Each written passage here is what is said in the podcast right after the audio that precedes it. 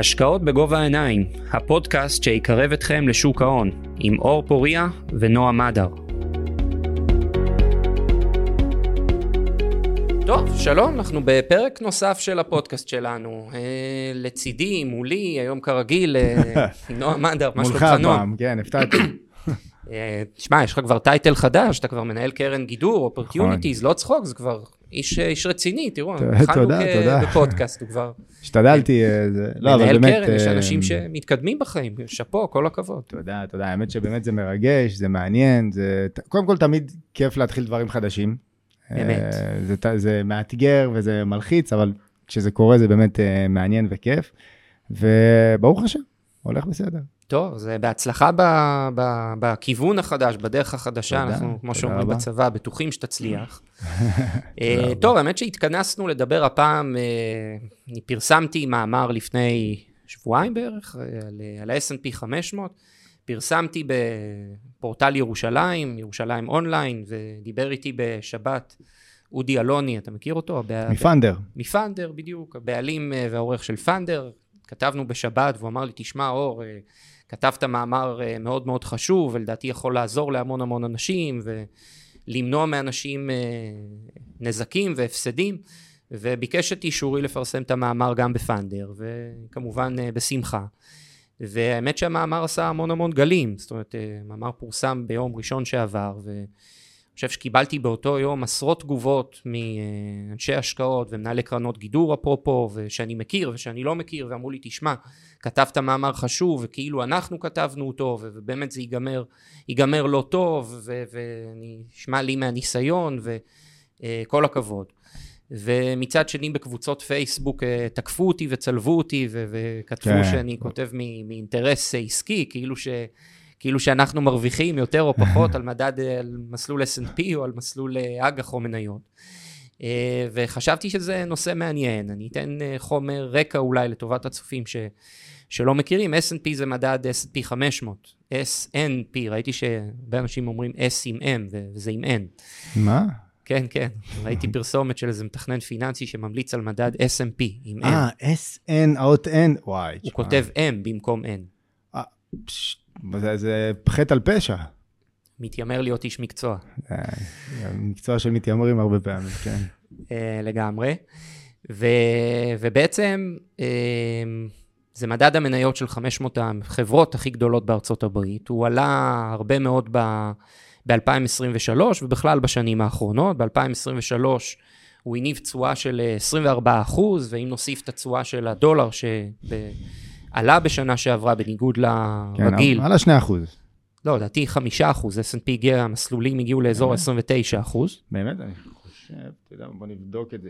לא, לא קריטי. ויש אליו נהרה, כי עם ישראל רואה שמדד עשה הרבה יותר, אתה יודע, המסלולים המנייתיים הרגילים עשו בערך חצי, ו... עשה שלושה וחצי אחוז. שלושה וחצי, זה ממוצע של שנינו. כן, כן, בדיוק, באמצע. אה, אז, אז אה, הרבה הולכים ל-S&P, ואני גם פוגש הרבה לקוחות ו- ושאומרים לי, תשמע, יש מדד ה-S&P ומחכה עם מדד, ו- וזה נושא שהיה מעניין לי לדבר, אני חושב, אה, גם יחד איתך. אה, מה אתה חושב אולי על המסלול הזה? האם זו השקעה טובה, לא טובה? היית ממליץ עליה? קודם כל, זה, זו שאלה מאוד גדולה ומאוד רחבה.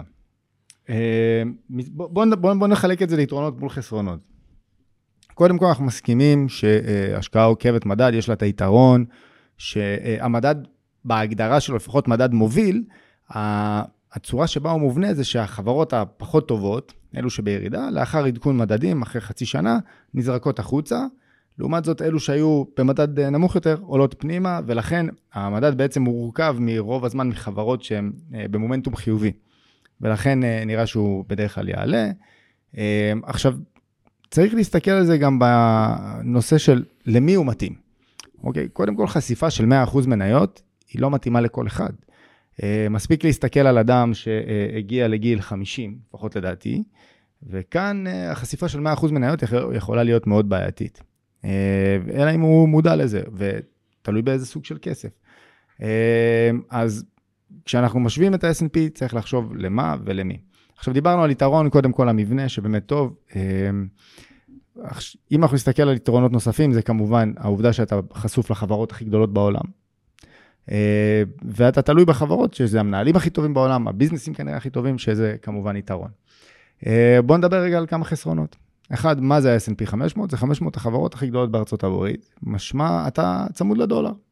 עכשיו, אנחנו כישראלים, יש את הבעייתיות של להיות חשוף לדולר. נכון ששנה שעברה נהנינו מזה, כן, זו הייתה עלייה של 3.5 אחוזים, אבל מי שהיה שם מבערך 2009 עד נכון לשנת 2021, אה, ראה כל שנה שלא משנה איזה תשואה הוא עשה במדד, הרוויח משהו, אבל בינתיים הדולר שחק אותו. מכיר חבר'ה ששמו אה, השקעות אלטרנטיביות דולריות, שאמרו לי, תשמע, קיבלתי 10 אחוזים, בסוף הגעתי, נשאר לי 6 אחוזים אחרי השחיקה. אה, ולכן לשים שם את כל הכסף, גם כאן יש לנו בעייתיות מסוימת.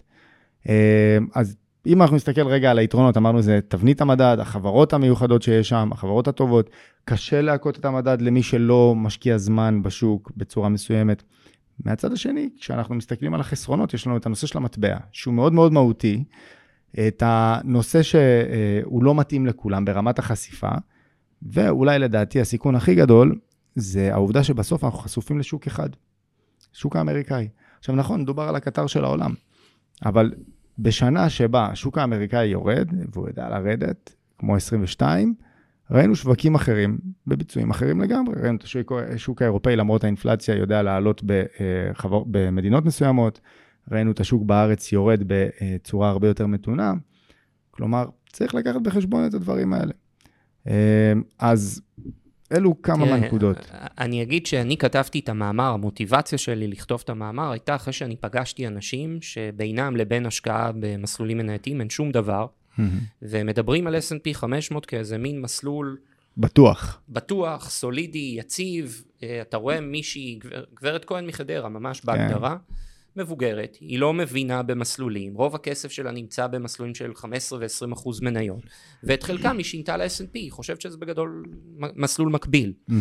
וזה לא מישהי שתדע לעמוד בפני... uh, ירידות הרי זה לא שאלה של אם, זה שאלה של מתי. מתי, ברור. Uh, יהיו ירידות של 20 אחוז, והיא פתאום תראה את הכסף שלה מצטמק ו- ונופל בצורה מבהילה, וזה מן הסתם לא מתאים לה, היא לא, לא יכולה... ברור. Uh, אז חילקתי את זה לשתיים, אחד זה לאנשים שהם לא מאוד חובבי סיכון ולהם מסלול של, של 100% מניות לחלוטין לא מתאים, אנחנו, נראה לי שאין ויכוח.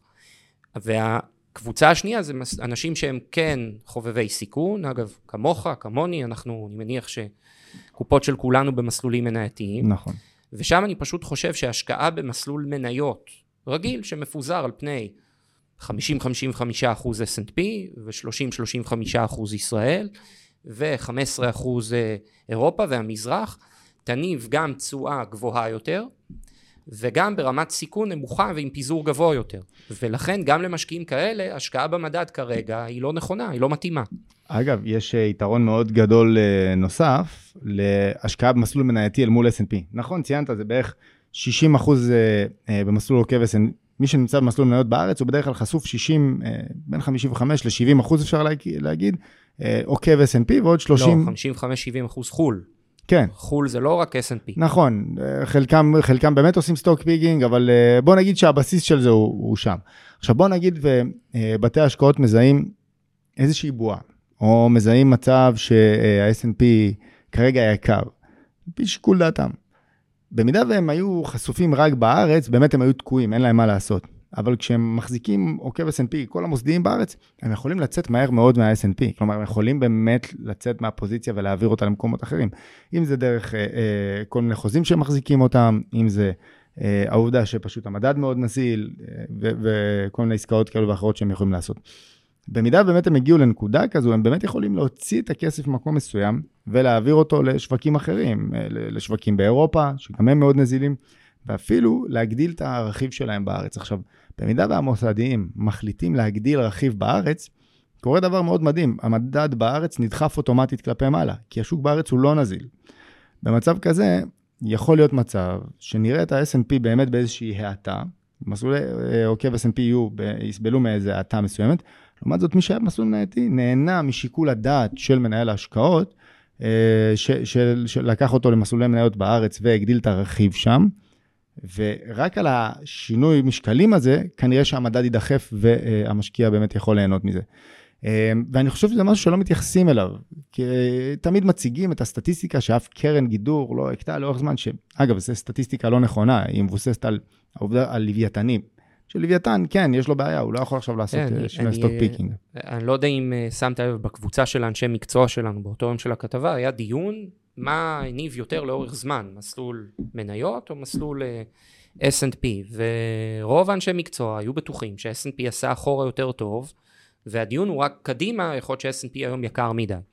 וראית את הסטטיסטיקה שב-20 שנה האחרונות, S&P עלה ב-380 אחוז, וראינו סטטיסטיקה מביטוח נט, שזה האתר הרשמי, mm-hmm. מסלול מניות של פוליסת חיסכון, נניח של כלל, עשה 780 אחוז, mm-hmm. זאת אומרת מעל כפול.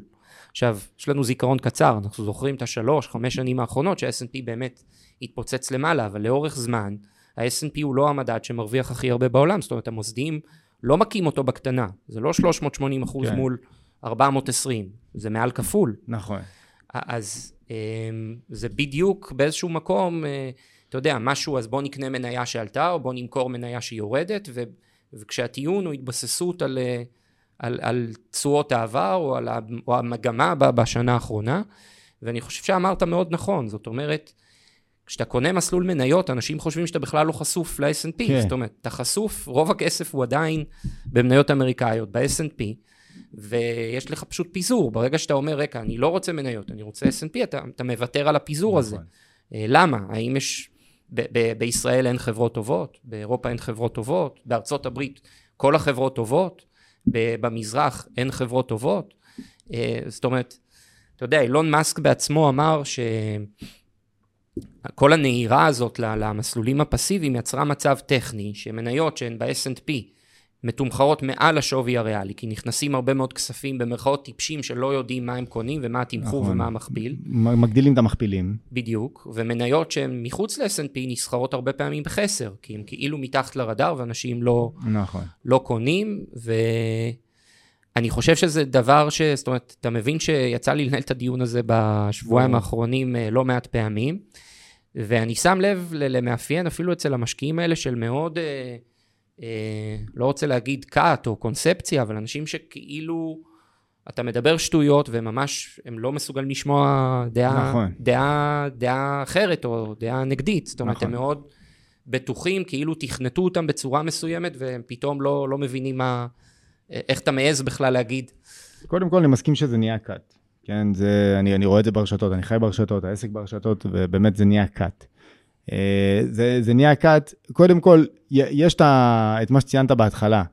אה, העובדה שמי שמציע לך מוצרים כמו פוליסת חיסכון אה, וכאלה, הרבה פעמים זה מתכננים פיננסיים, סוכני ביטוח, שבגדול לא יודעים אפילו מה זה אומר עוקב מדד, היא די עשתה עוול לחלק מהמוצרים, ומאוד חיזקה את המקום הזה של ה-S&P.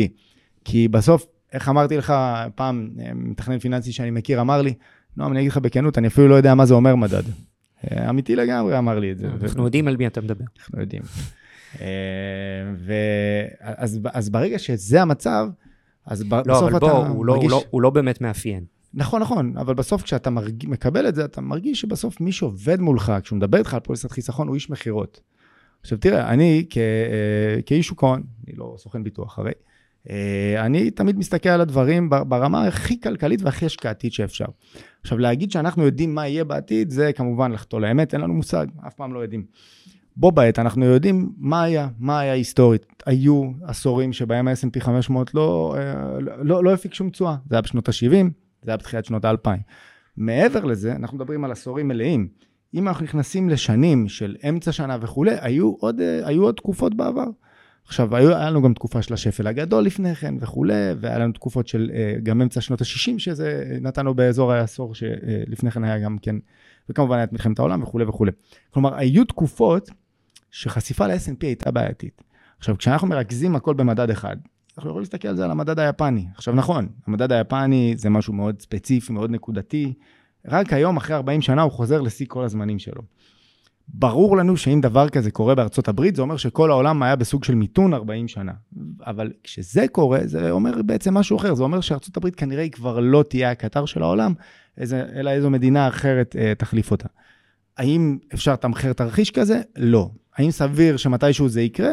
יכול מאוד להיות. אימפריות מטר... בדרך כלל נופלות בסוף, ומשהו משתנה. אגב, עד מלחמת העולם השנייה, זה הייתה, השוק הבריטי הוא זה שהוביל את העולם, והפאונד היה המטבע העולמי וכולי, ודברים משתנים.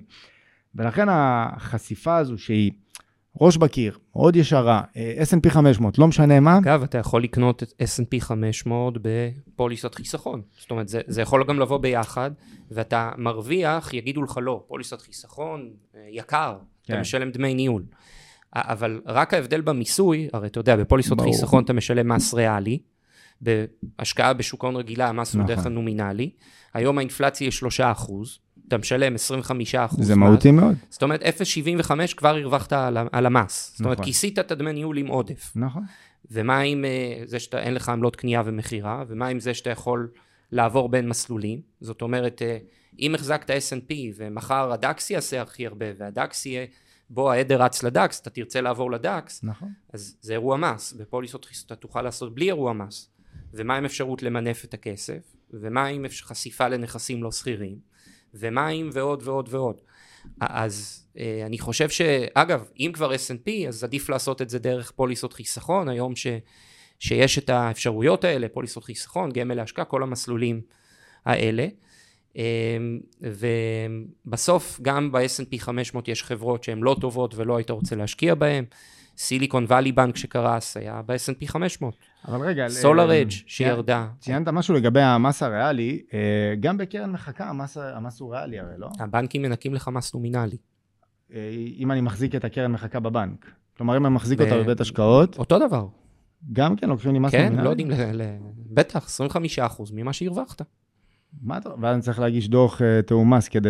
כמה מגישים דוח? לא, אז אני אומר, צריך, זה הדרך היחידה לפצות על זה בעצם.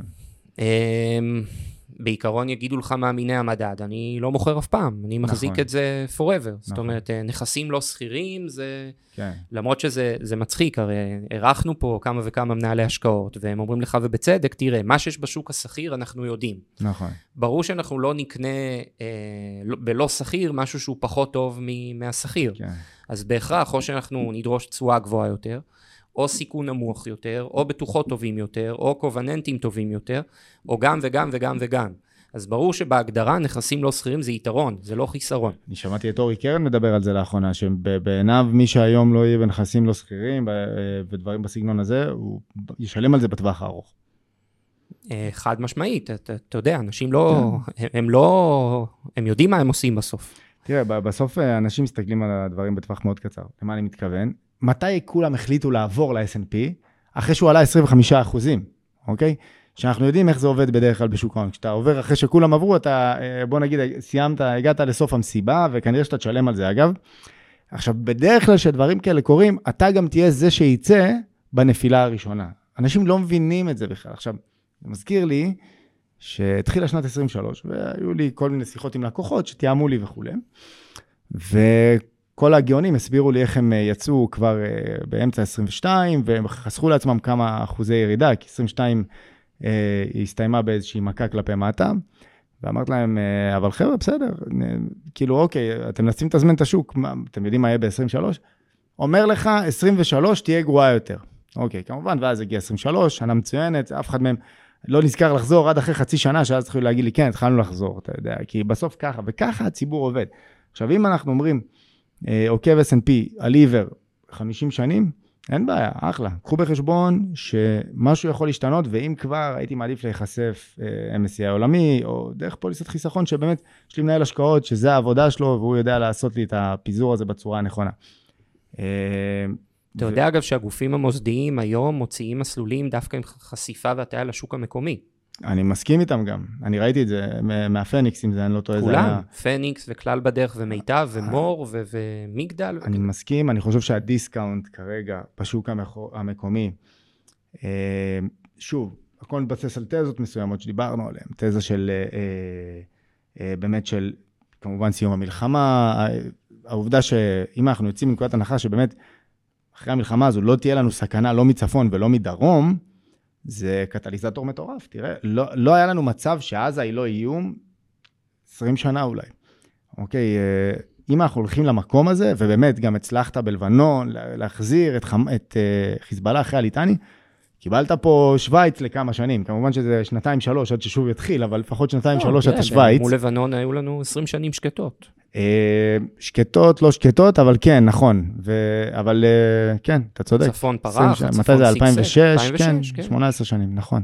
אז כן, אז, אה, אז אתה תהיה פה שווייץ כמה שנים, לך תדע כמה, ומצב כזה, אז השוק המקומי הוא לא רק מעניין בגלל המלחמה, אלא יכול להיות שגם אחרי המלחמה תקבל פה איזה... תראה, מעבר היום אחר. ממסלול מניות ל-S&P, זה בעצם למכור הרבה מאוד מניות כן. בישראל, ולקנות מניות ב-S&P. עכשיו, ברור שהמניות בישראל מתומחרות בחסר ובדיסקאונט, נכון. והמניות בארצות הברית בטח לא בחסר. אפשר להתווכח אם הן יקרות יותר או יקרות uh, פחות, אבל הן לא בקטגוריית המניות הזולות או כסף כן. על הרצפה או מציאה, ואתה לא עושה את זה בתזמון טוב. נכון. זאת אומרת, אם עשית את זה לפני שנה, היום הייתי שוקל אולי לחזור בחזרה. אגב, אני צריך להגיד שאני לא נגד ה-S&P, אני בתחילת ברור. 23, המלצתי ללא מעט אה, אנשים. תראו, אני מעריך שיהיה ריבאונד כלפי מעלה. אגב, גם כתבתי על זה בפאנדר, גם מאמר שעשה אה, הרבה רעש וכותרות, ש-2023 תהיה תמונת המראה של 2022, אני חושב שזה די יתממש. והערכתי שבתרחיש של ריבאונד כלפי מעלה, ה-S&P הוא מתומחר בחסר יחסית, כי הוא ירד הרבה, והמלצתי לאנשים לשקול, אמרתי להם, לאורך זמן אני לא בעד, אבל לטווח הקצר, אני חושב שה-S&P יעשה יותר ממסלול מניות רגיל.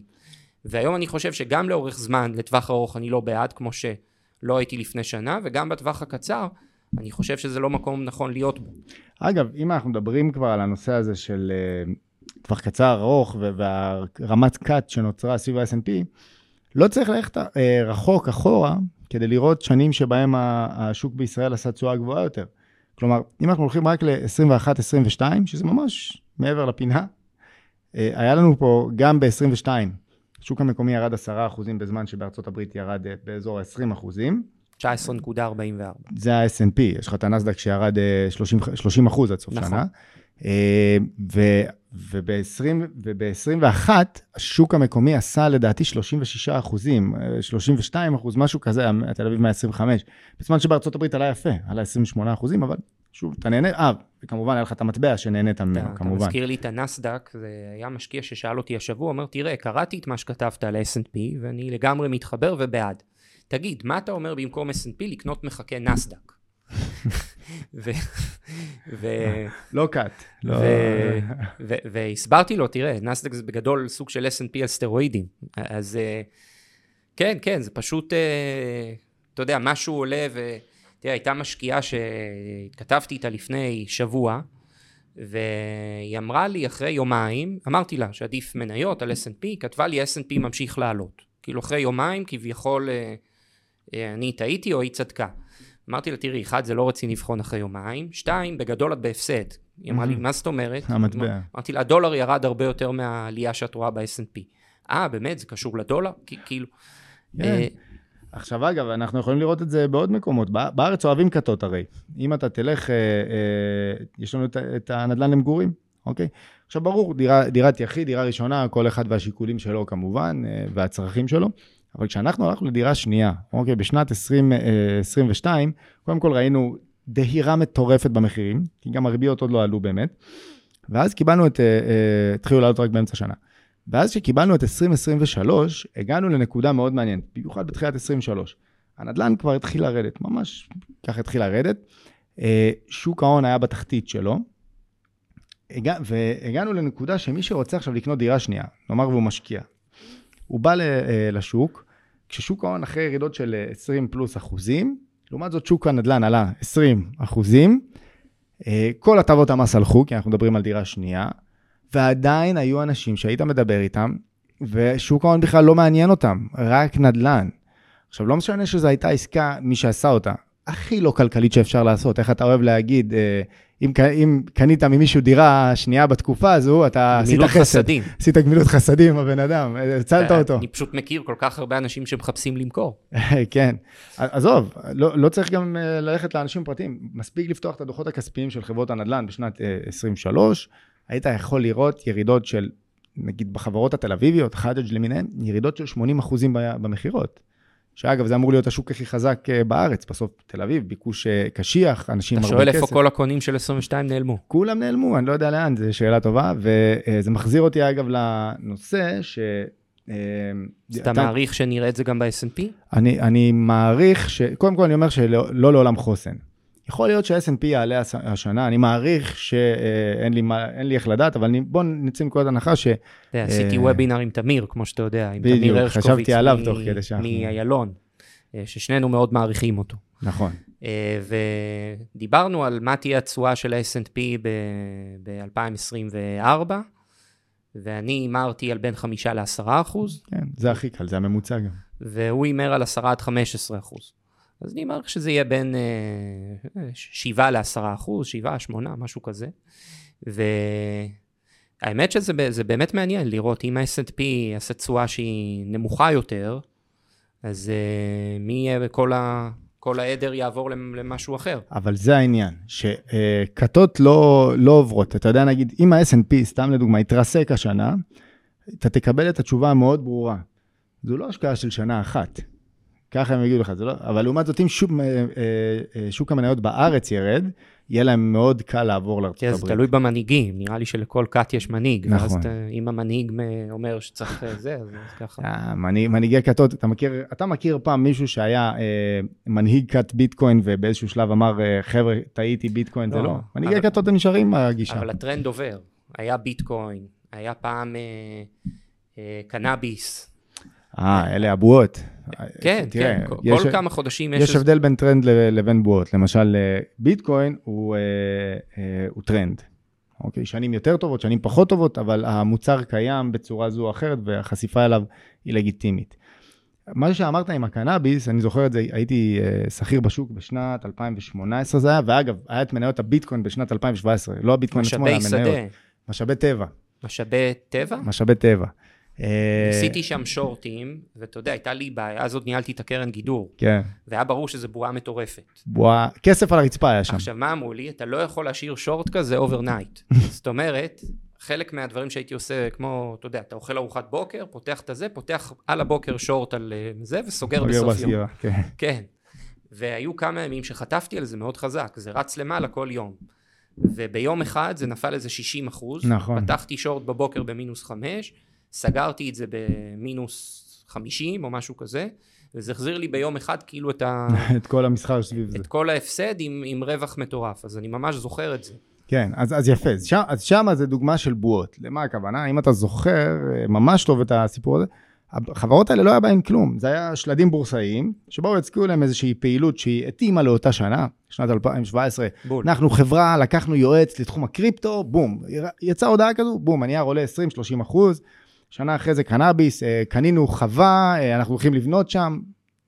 חברות, אני זוכר את צריך להגיד שאנחנו מסכימים ואומרים שזה לא ה-S&P, כי יבואו ויצלבו אותך ויגידו שאתה משווה את לא, לא, ה-S&P לביטקוין או לא. לקנאביס. אתה יודע שבאמת אנשים אחרי זה יגידו שהשוויתי את הביטקוין וזה ל-S&P, רק על זה שעכשיו נתנו דוגמאות לדברים אחרים, יגידו לי לא, שהשוויתי את זה. תקשיב, אנשים כתבו לי היה. בקמפיין, אנחנו, אתה, אתה קופץ לנו, אנחנו לא, אתה לא איש מקצוע, אנחנו לא רוצים, אה, את- את המאמר שכתבת, אנחנו לא רוצים, אה, אז היה. שקלנו לעבוד איתך, אנחנו לא, זה היה, זה לא היה רוצים. באמת. כאילו, אנשים לקחו את זה אישית, כן. כאילו אה, העלבת מישהו. אז, אז אנחנו לא משווים את ה-S&P 500 לביטקוין לקנאביס, מה שאני בא לומר זה באמת שבאותה שנה, אה, וב-2018 למשל, היה את העניין הזה של חברות, אה, פתחנו חווה, אה, שמנו איזה יתד, בום, הנייר עולה 50 אחוז. שם היה בועות, בועות, אני זוכר, Together פארמה מגיעה ל-400 מיליון שקל שווי שוק, חברה שעדיין אין לה כלום, לא לדבר על מכירות, כן, בקושי היה מבנה. אגב, היא עדיין קיימת היום, ולדעתי, והיא דווקא בסדר, והיא בשיא שלה הגיעה לאיזה 150, איך כאילו, קראו לקנאביס של אהוד ברק? אינטרקיור. אינטר, הוא גם- שם? הוא כבר לא שם. קיים לדעתי, הגיע בשיא לשווי שוק של 1 מיליארד שקל, הייי חתם באותו זמן, אני זוכר אותי... אני חושב את- שזאת חברה אמיתית עם פעילות, לא? אבל בטח לא מיליארד שקל, אני זוכר את עצמי אומר למנכ"לית של החברה, אני אומר לה, תקשיבי, זה שורט של החיים. היא אומרת לי, נועם, הנייר אפילו לא בתעודות סל, אין לך מאיפה לקחת השאלות כדי לעשות עליו שורט. כן, כן, כן, כמו בבנק. אז, אה, אז זה באמת היה... אז, אז פה אנחנו מדברים על בועות פר אקסלנס. הביטקוין הוא טרנד, אוקיי? ואז באמת שלכל טרנד יש את המנהיגי מנהיגי כתות שלו. עכשיו, ברור שה-S&P 500 זה משהו ממשי, משהו טוב. לא, אבל אתה יודע מה, מה מוזר? שהכת הזאת, אתה פוגש בן אדם שהוא בדיוק האנשים שאנחנו אוהבים לעבוד איתם, כן. אינטליגנטים, מבין עניין והכול. וזה, החבר'ה שם זה לא כאלה שלא מבינים מה הם מדברים, Mhm. זה אנשים כאילו איכותיים, חכמים, הייטקיסטים, אה, אה, מהנדסים, ואתה פוגש אותם, וכאילו אתה, אתה, אתה מכיר שאתה מדבר עם בן אדם ואתה מרגיש שזה כאילו עובר לידו, ולא משנה מה, ברור. כאילו יש לו את הדעה שלו ואתה איזה רעש רקע, כן. אז ממש כזה. תראה, אני לפני של... שלוש שנים, שנתיים, עשיתי, האמת שפה, ממש אה, כאן צילמתי, אה, לא, לא באולפן הזה, אלא במקום פה ליד, אה, פרק עם, עם אדם שהוא בעיקר משווק את הנושא של השקעה עוקבת מדד, בן אדם מאוד חכם, שלוש וחצי שעות debate, שזה עדיין ביוטיוב למי שרוצה לראות את מי זה. זה? קוראים לו רונן מרגוליס, אני לא יודע אם אתה מכיר אותו. אה, כן, כן, בטח, הוא אחד מהמנהיגים. נכון, הוא אחד המנהיגים, אבל בחור טוב, אני מאוד מחבב אותו. אה, ובאמת עשינו debate על זה, שלוש וחצי שעות. והוא זרק מספרים וסטטיסטיקות והכל. אה, ואני, ואני באתי לדבר דווקא על הכיוון של stock picking. ואני, מה שאני באתי להגיד זה דבר מאוד פשוט, הנושא של stock picking, כלומר, לקנות מניות ספציפיות, זה לא כזה קשה להכות את המדד כמו שאנשים מספרים, אלא אנשים נוטים להתייחס לדברים מאוד נקודתיים. כלומר, אומרים לך, תראה את כל קרנות הגידור הכי גדולות בעולם. חבר'ה, כשלוויתן קרן מנהל... גידור long short, היא לא יכולה להכות. כי... כשלוויתן מנהל 300 מיליארד דולר, הוא לא יכול להכות את המדד כי אין מספיק חברות. אבל כשאתה בן אדם פרטי בבית, מנהל את המיליון, שתיים, עשר מיליון שלך, לא, אבל תראה, ברגע שאתה דברים. אומר שפסיבי זה, אתה בעצם אומר שכל בתי ההשקעות זה גמילות חסדים. כן. זאת אומרת, הם משלמים לאנליסטים ומנהלי מחלקות מחקר, ואנשים שאתה יודע, אנחנו מראיינים נכון. אותם פה כל הזמן. נכון, אנשי ולא- מקצוע. אנשי מקצוע, ולא חושב שמישהו מקשיב ואומר, הבן אדם לא יודע מה הוא מדבר והוא מדבר שטויות. כל התעשייה הזאת, לשיטת התיאוריה הזאת, היא מיותרת. זאת נכון. אומרת, צריך לבוא איזה, אה, אמרת אורי קרן, הבעלים של מור, להגיד לכל מחלקת ההשקעות, חבר'ה, אתם מפוטרים, אנחנו חוסכים פה עלויות של אה, כמה, מאות אלפי שקלים, כן. אם לא מיליונים בשנה. אה, מיליונים, איזה מאות אלפי שקלים. ונביא בן אדם אחד שיקנה את ה-S&P, או, שיק... או השקעות פסיביות. עכשיו, אה, זה, זה מעניין שאתה אומר את זה, כי אחד ממנהלי הקרנות היותר מוכרים בארץ, אני לא אציין שם, אה, לפני כמה שנים החליט שבאמת ללכת על הגישה הזו, שאין שום סיבה להעסיק מנהלי השקעות איכותיים, כי גם ככה לא מצליחים להכות את המדד, אה, וזה לא משנה, אז אין שום סיבה להשקיע בזה, ויש לו מנהלי השקעות ויש לו תחום של קרנות נאמנות, אבל אין סיבה. והקרנות נאמנות של, אה, שלהם, במקומות הכי נמוכים, בחמש שנים האחרונות, כל הזמן. אבל לפחות הוא יעיל, הוא חסך משכורות. חסך משכורות, אני לא מבין למה בכלל להחזיק בית אם זה ככה, ואחרים שבאמת משקיעים. יכול לראות את מור למשל, אה, את האנליסט, מקומות שבאמת אה, מחלקות המחקר שלהם, מחלקות השקעות מאוד איכותיות, מאוד חשובות. מיטב. מיטב. אה, ואתה רואה באמת מספרים יפים, יוצא דופן, אתה, לפעמים, אתה יודע שלפעמים חלקם, הם מחזיקים מנהל השקעות שהוא לא עובד של הבית, משלמים למישהו חיצוני, בגלל האיכויות שלו. עכשיו, תמיד קורה את אותו דבר, קורה משהו שבאמת הקרן מאוד מצליחה, קרן הנאמנות. מה קורה? היא מדורגת גבוה, ואז מתחילים להזרים כסף. ואז אותה קרן שידעה לעשות הרבה כסף נהייתה גדולה מדי, ולא מצליחים יותר לנהל אותה. ולכן, לא, צריך להגיד שקרנות נאמנות זה מוצר שאנחנו לחלוטין לא ממליצים עליו, זה אולי המוצר הכי פחות טוב. בגלל העלויות המאוד גבוהות שלו, בטח. עלויות והרבה חסרונות אחרים. נכון, ו- כל דבר אתה צריך למכור כדי זה שינוי וכולי. מדיניות והעלאות דמי ניהול, נכון. ומאחדים קרנות, וקרן לא מצליחה, מוחקים. ברור. ו- לא, לא, לא בא להגיד שהמוצר טוב, אני בא להגיד ש, אה, שזה כנראה יש לאנשים האלה שמנהלי השקעות, אנליסטים, יש להם את האיכויות שלהם. אה, אבל גם המשקיע צריך לדעת לבוא, לחפש את מה שבאמת מתאים לאופי שלו. לבוא, להגיד, אני אה, על שם את הכסף, S&P 500, אחלה. אתה יכול לעשות את זה, אתה יכול לעשות את זה דרך פוליסת חיסכון, אתה יכול.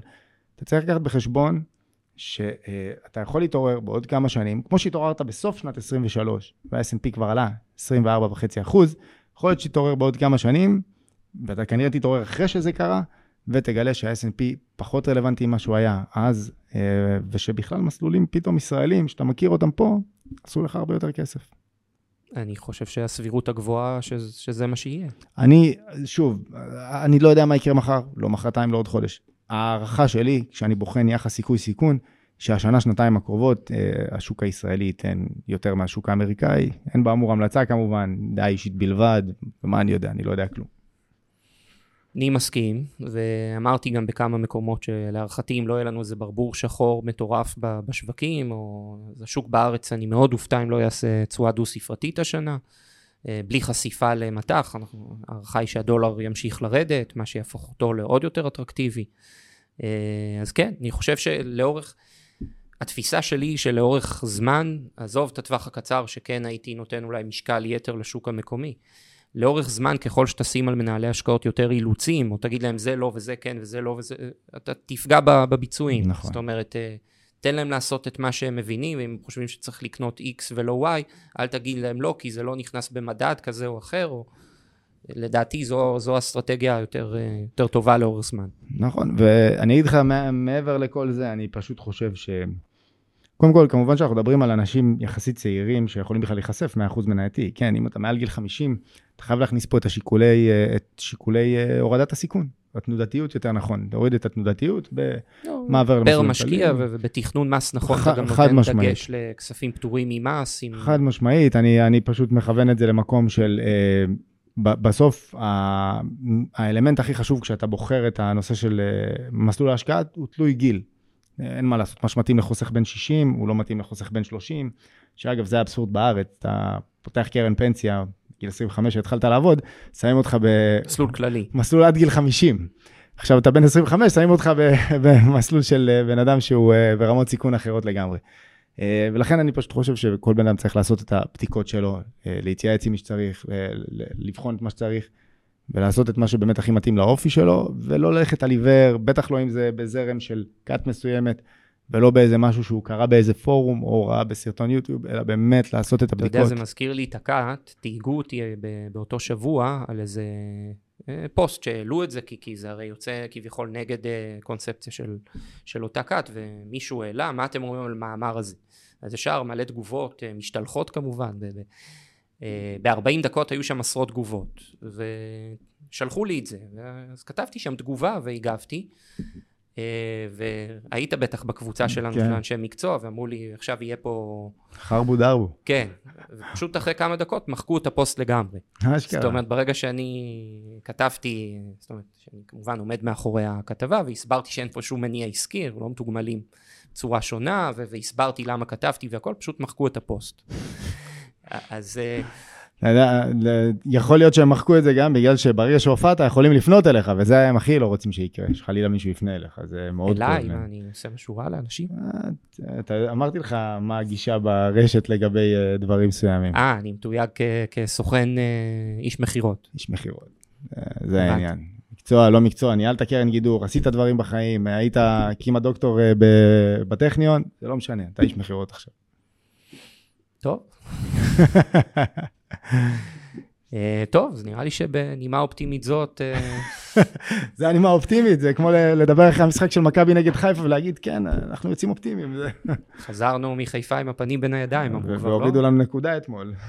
אז אנחנו גם ירדנו בטבלה. מקום שני עכשיו. לא, על זה אנחנו מערערים, הבנתי.